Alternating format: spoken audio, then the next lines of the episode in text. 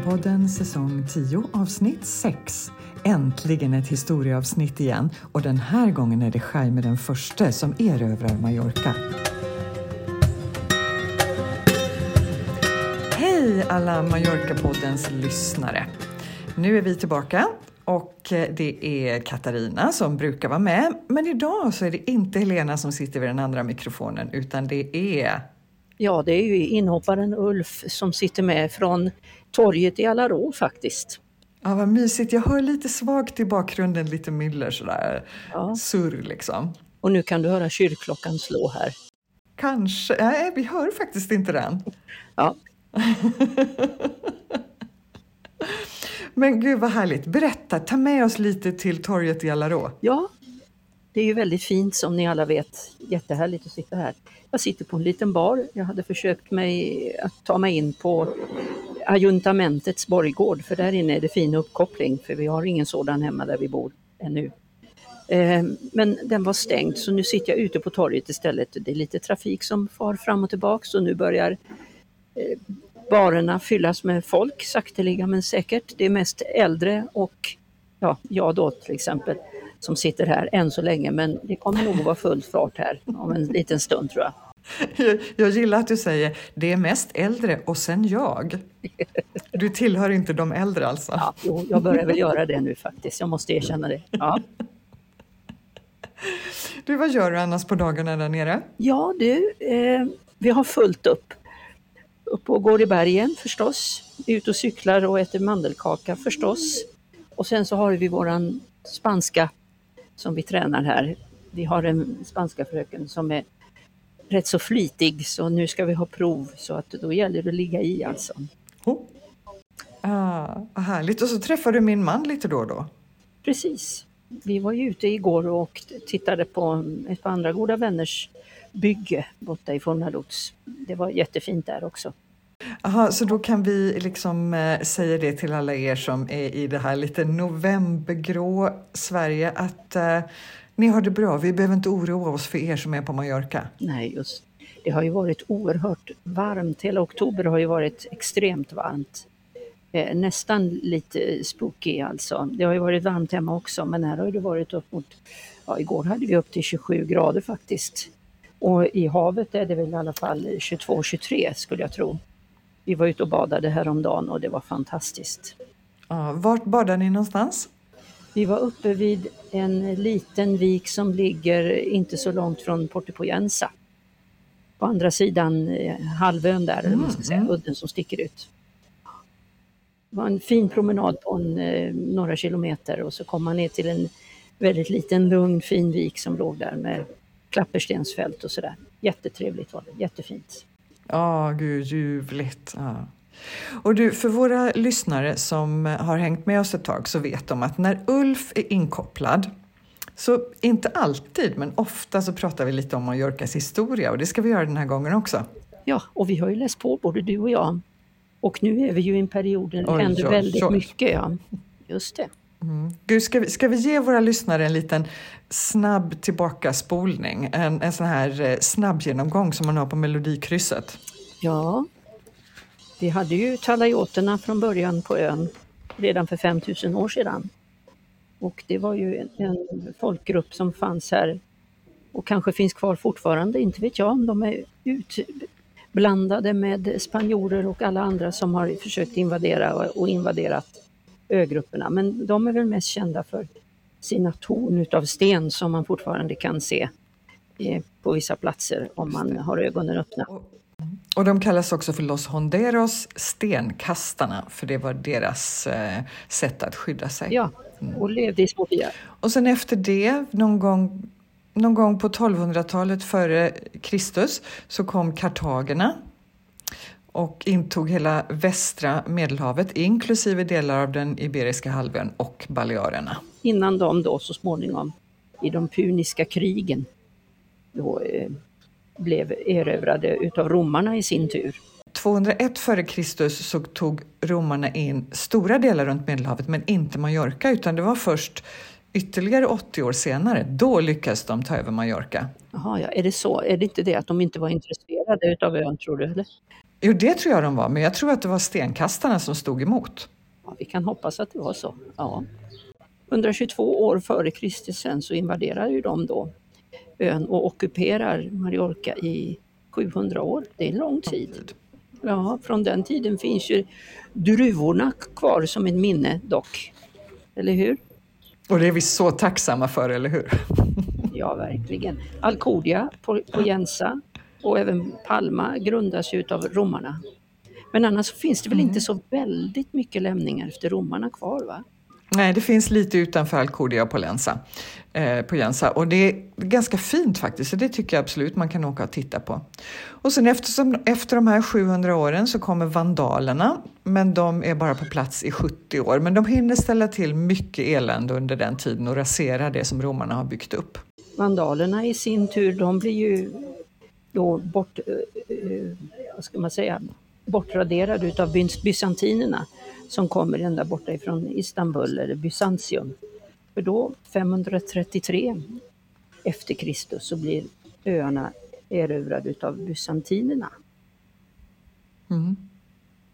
Och eh, så småningom kommer morerna till ön.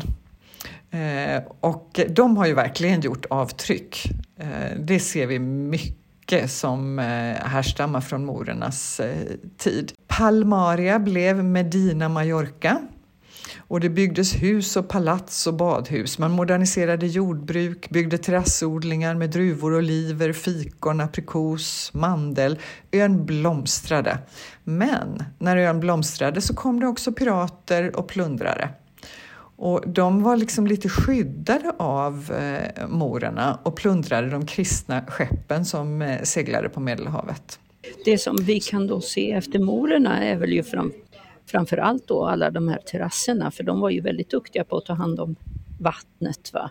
Men också många utav ortsnamnen är det ju inte då så att allt som börjar med AL i princip, Alkodia, Allarå, vad det nu kan vara, va? det har sitt ursprung i arabiskan.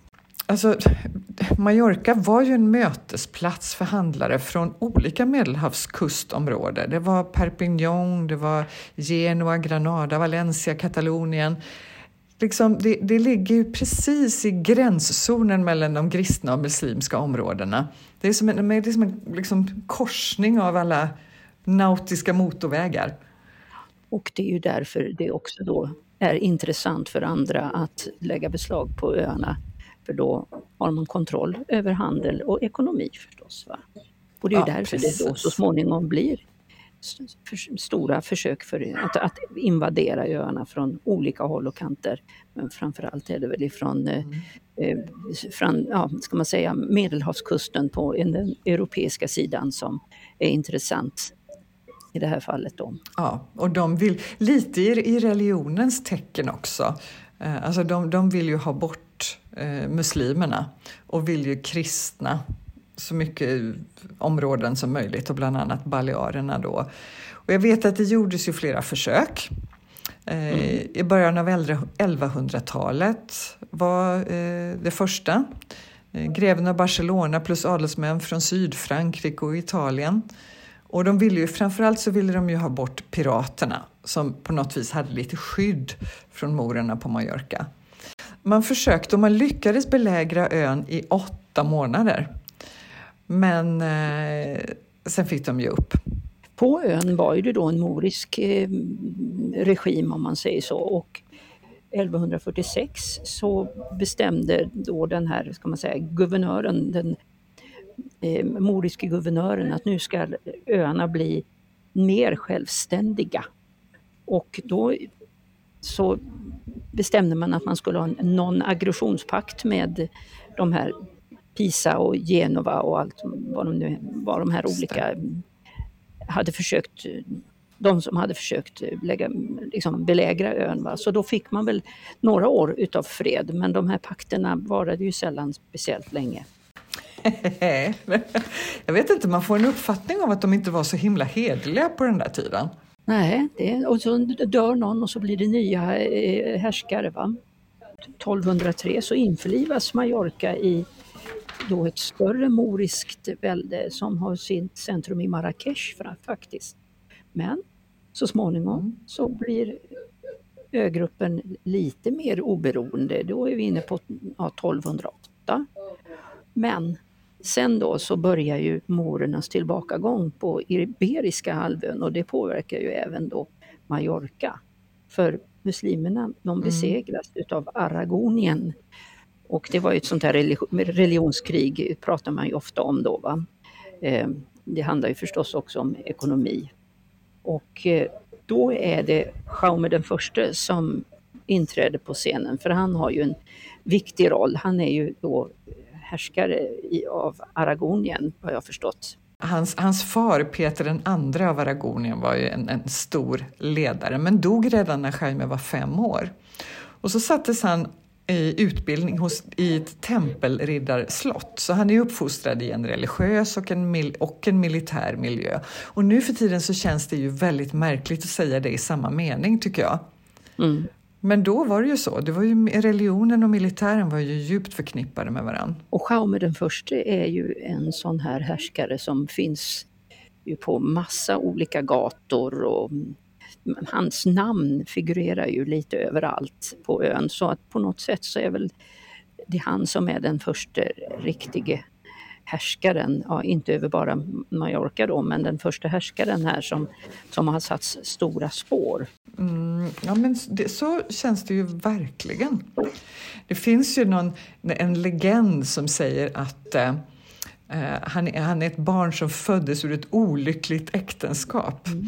där kungen eh, ratade sin hustru drottningen och istället föredrog flera älskarinnor. Och hovet, jag tycker den här underbar historia, hovet hade planerat att klä ut kungens hustru till hans älskarinna eller en av hans älskarinnor. Och i gryningen efter att han hade varit tillsammans med sin egen fru utan att veta om det så upptäckte han bedrägeriet övergav palatset och kom aldrig tillbaka. Nej. Och hans mor valde då sonens eh, namn som hon då blev gravid med den natten genom att tända tolv ljus med de tolv apostlarnas namn och bestämde att gossen skulle döpas efter det ljus som varar längst och det visade sig vara Santiago, ett annat namn för Jaume. Schysst historia va? Hur tror du att du fick, hur fick du ditt namn ja, Ulf? Men just de här fantastiska historierna, oftast så finns ju det ett mått av sanning i dem också. Det är det som är så konstigt. va. Men, men, eh, men nu är det ju en stor brytpunkt i Mallorcas historia med Jaume den förstes inträde. För han bestämmer väl sig för att eh, erövra öarna. Det gör han och det fanns väl egentligen två, två anledningar till det. Han ville erövra eh, Valencia och Balearerna. Och dels var det ekonomiska anledningar, eh, men det fanns andra strategiska faktorer. Alltså, Valencia var ett rikt land dit folket kunde flytta. Han behövde mer yta. Och eh, Balearerna, där kunde han ge mark till adeln. Mm. Och eh, de stora rika handelsmännen. Varför ville han ge bort massa land till adeln? Ja, han, alltså han, ja, därför att han var ju tvungen att kunna Alltså det var ju de som satt på kapitalet och på riddarna. Precis, det var ju ett feod, en feodal stat det här. Va? Så genom att ge bort mark så kunde han då eh, få del av deras eh, militära styrka helt enkelt. Va? Så det var ju ett sätt att bli starkare militärt. Och så var ju de köpmännen var ju, de var ju väldigt nöjda med att de skulle få Mallorca och eliminera den liksom, konkurrensen som fanns där. Ja, så är det ju. Så en, eh, en expansion för handelsmonopol med Syrien, Alexandria, ja, Italien och egentligen hela östra Medelhavet skulle ju sitta finfint för dem. Ja, och därför så får han ihop en flotta på 150 fartyg, läste jag mig till. Och det var ju med hjälp av både kyrkan, adeln, borgare eh, och det, det, är ju då alltså de viktiga familjer som hade kapitalet. För det är ju ett risktagande. De tänker ju förstås att de ska kunna få någonting ur det här genom att få den här nya marken och så vidare. Va? Så att de tror ju att de ska få någonting tillbaka men det var ju inte alltid det gick på det sättet. Så det var ju, risktagande förstås, men i det här fallet så funkar ju det. I alla fall för de flesta. Mm.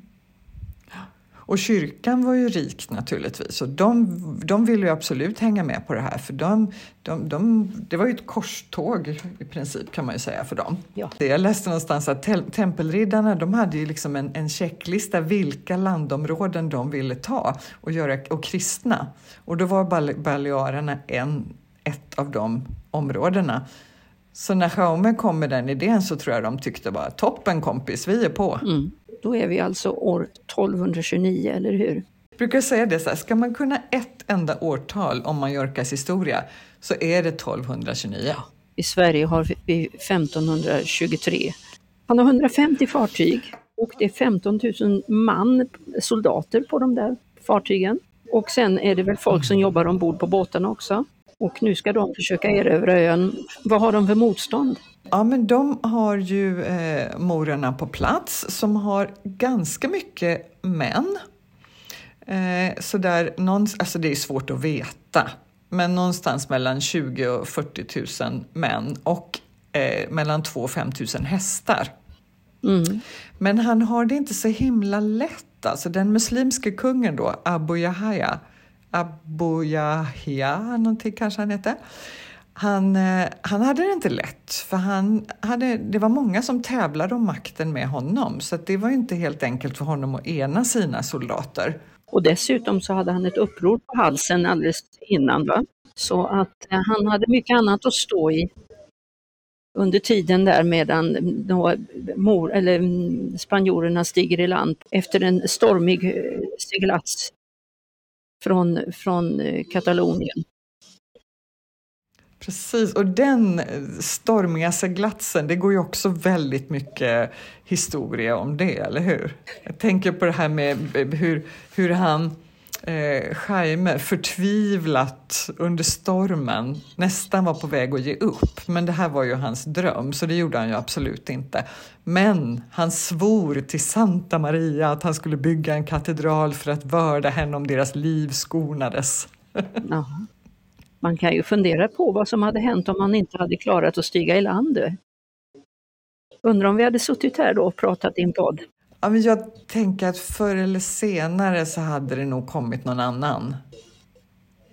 Ja, kanske. Men det vet man ju inte. Det vet Absolut man inte. inte. Nej.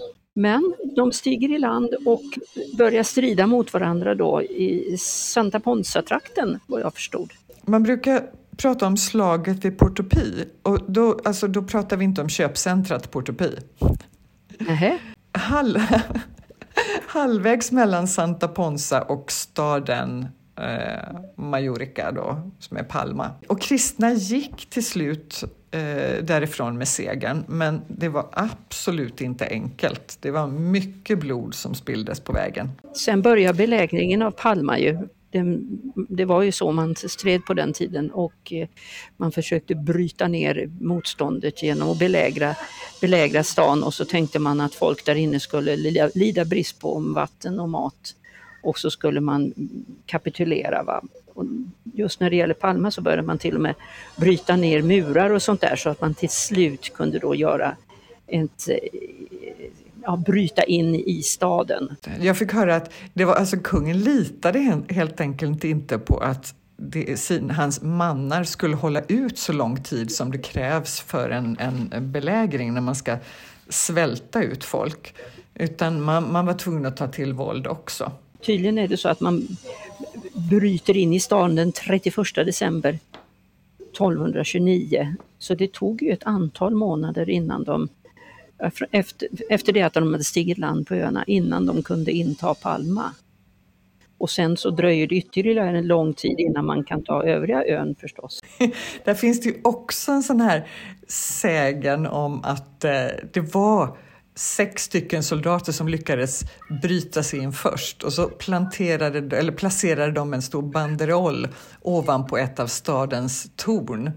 Eh, med eh, och den här banderollen då med argoniska flaggor och skrek Santa Maria, Santa Maria, hjälp oss heliga Maria, vår Herres moder. Du, eh, du skulle kunna ha en hel podd som bara handlar om sådana här historier och anekdoter kring hur morerna blir tvungna att fly från öarna. Ja, och det är inte lätt att veta vad som är vad, vad som egentligen hände. Därför att det är nästan alltid segraren som skriver historien.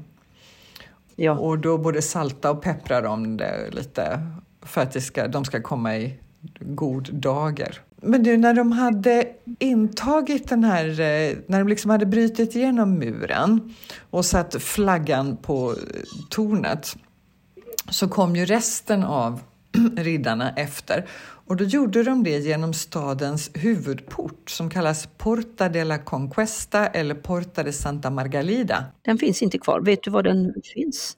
Ja, den ligger på Calle San Miguel. Ha. Den, alltså den stora shoppinggatan. Ja, ja. ja. Där ligger den och det finns faktiskt en liten oansenlig minnesplatta på ett hus där. Det känns lite märkligt faktiskt att man inte har gjort större väsen av det. Eh, men vi kan ju komma till det så småningom att det är ju lite alltså dubbel, det, det finns dubbla känslor inför det här med att de kristna kom. En del hyllar det här datumet medan andra är lite mer tveksamma för att det gick ju inte så snyggt till. För visst är det så att han står um, staty, Jaume, på Plaza de España, va? Det är väl han som står där? Det gör han, på en eh, häst. Just det. Man firar ju faktiskt eh, intåget varje år. Eh, den 30 eller 31 eh, december så har man något Jaha. som heter Fiesta del Estandart och det betyder ju standard. Och mm. då, då syftar man på det här standardet, den här flaggan som de satte på tornet. Ah, ja. De första riddarna som bröt, eller soldaterna som bröt sig igenom muren. Och då lägger man ner blommor vid eh, statyn och sådär också. Som någon slags tacksamhet men det, då? Det, ja, men det finns också nästan varje år motdemonstrationer också. Alltså nationalistiska grupper som tycker att det här är det är inte snyggt att fira det här. Och så har man faktiskt, vi, vi pratade om att de eh, klev i land där vid Santa Ponsa, så det firar man i september varje år i Santa Ponsa Jaha, också. Ja. ja. Fiesta del Rey Jaime eller någonting ja. sånt där heter den. Och den här statyn vi pratar om, ja. den, det kom dit eh, när man hade 700-årsjubileum så det måste ju varit på 1929 någon gång då. Jaha. Ja. Och då står det så här, Kung Jaime den första erövrade Mallorca den 31 december 1229 eh, med 1500 ryttare Eh, 15 000 soldater transporterade på 155 fartyg. Det låter ju som om man vet rätt mycket ändå om det här. Ehm, jag läste någonstans att man hade eh, hittat dokument som någon hade då skrivit om eh, hur erövringen, erövringen gick till. Och då är det från dokument som är skrivna utav de som besegrades, alltså muslimerna. Och då kan man ju tänka sig att det är rätt så bra att få en avvägning, deras syn på saken och då de kristnas syn på saken. Det är ju rätt intressant egentligen. Ja, om väger man ihop de två så kanske man kommer någonstans när, hyfsat nära sanningen. Ja. Vad, vad känner du själv sådär nu eh, 800 år efteråt? jag kan ju tycka någonstans att det, det, det, det som de kristna så småningom upprättade på ön är ju inte, är ju inte någon direkt eh, framgång så. Muslimerna hade ju ett väldigt högt utvecklat samhälle om man jämförde med hur de kristna organiserade sig och, och vad man betonade i det samhället där religionen fick en väldigt stor plats och de feodala herrarna. Men det är klart, man, man kanske tänker på vackra innergårdar och Marrakesh när man pratar om, om den, den moriska eran. Det, jag menar, det var ju slaveri och det var, på den tiden, jag menar, det var kanske inte så stor skillnad om det var ett moriskt land eller ett kristet land. Jag tänker att det nog var så överallt. Alltså vi pratar ändå 1200-talet. Det är ju otrolig hierarki i samhällena. Det ja. är ju alltså de som har, det, det är kyrk, kyrkan har ju en väldigt stor makt oavsett om vi pratar muslimska styren eller kristna styren. Och de tillsammans med kungen och adeln styr ju otroligt mycket. Ja, visst är det så. Nu bränner de ju Palma nu när de bryter in genom stadsmuren så bränner man ju och mördar ju folk. Va? Det är ju två, 20 000 muslimer som dör och 30 000 som drivs på flykten. Men då kan man ju tänka sig eh, 400 år senare när svenskarna är nere och härjar i Europa så är det lika illa då. Det, ja, det finns någonting krigiskt hos oss människor på något vis. Makt. Men du, alltså det finns hur så mycket, mycket som helst att prata om det här men jag undrar om vi vi ska nog stanna där lite. Vi, vi, stannar helt enkelt när de bryter igenom stadsmuren. Jaime lyckades ta sig dit med hjälp av pengar, fartyg eh, och folk från kyrkan, adeln och köpmännen. För alla hade något intresse av att inta Mallorca. Och så kastar, så kastar vi oss eh, sådär en 800 år framåt. Och då är vi hos Ulf i Alarå. ja, då är vi här i Alarå som har sitt muslimska namn då också, då, muslimska mm, grundare och sådär. Och eh, du frågade mig förut, är det någonting som händer nu här nere i den här tiden på året och sådär? Vad pågår egentligen på öarna nu just nu? Och jag tyckte att ja, nu är det väl rätt så stilla, nu börjar det lugna ner sig lite grann november månad. Och sen gick jag ut och tittade på någon sån här evenemangs eh, eh, almanacka, eller man ska säga, och då är det ju marknadernas tid nu känns det som. Jag läste att det var 150 marknader under en vecka på ön som ambulerar runt mellan de olika städerna. Här i Alarå så har vi en på lördag förmiddagarna. Och eh, den äldsta är ju den som är på onsdagarna i Sineu. Men när du säger så många, då måste det ju vara, det kan inte vara bara de vanliga veckomarknaderna? Ja, det är så jag uppfattar det faktiskt.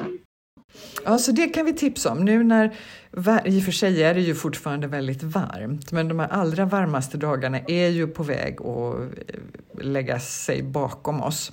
Då är det perfekt ja. att gå på marknad. Jo, jag har ett annat tips eh, och det är något som vi tipsar om återkommande varje år. Men det är så fantastiskt så jag vill verkligen att ni som är där nere passa på.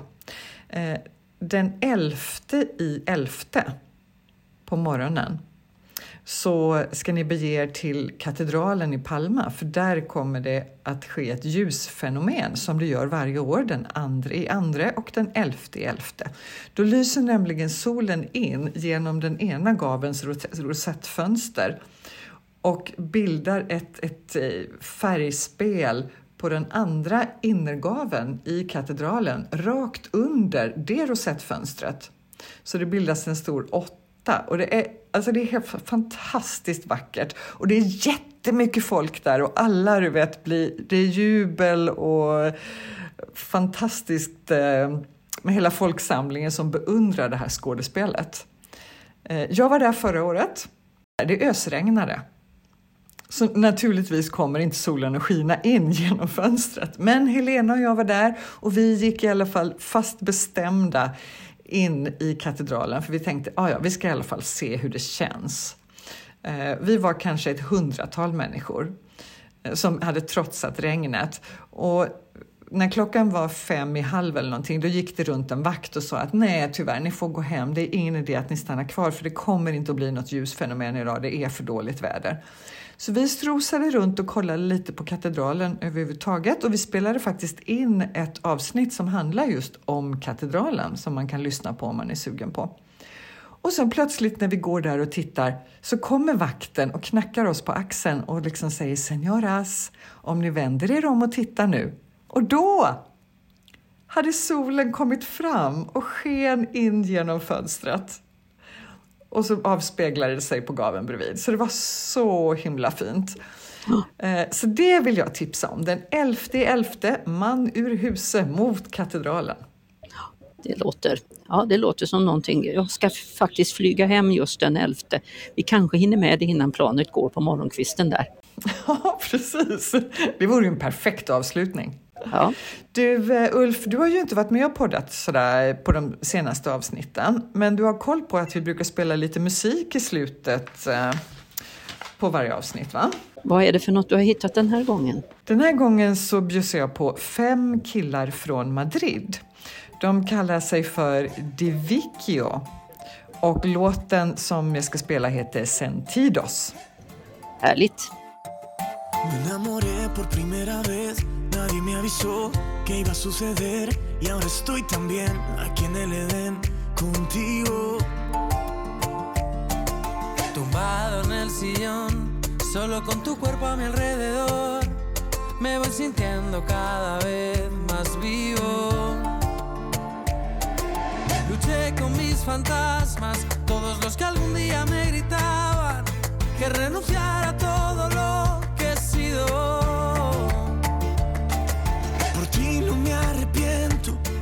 tiro las llaves, practico el momento. Tú me alimentas los cinco sentidos. Yo quiero estar borracho, viviendo mi vida, pero a tu lado, bebiendo tequila de cualquier vaso, rompiendo la fila si tú te vas. Yo nunca he sido un santo, no vendo lecciones de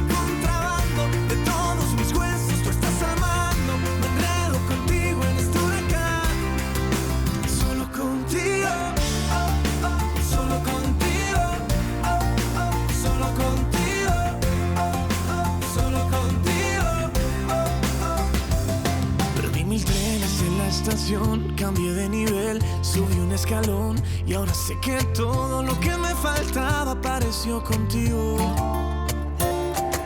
Luché con mis fantasmas, todos los que algún día me gritaban que renunciara a todo lo que he sido.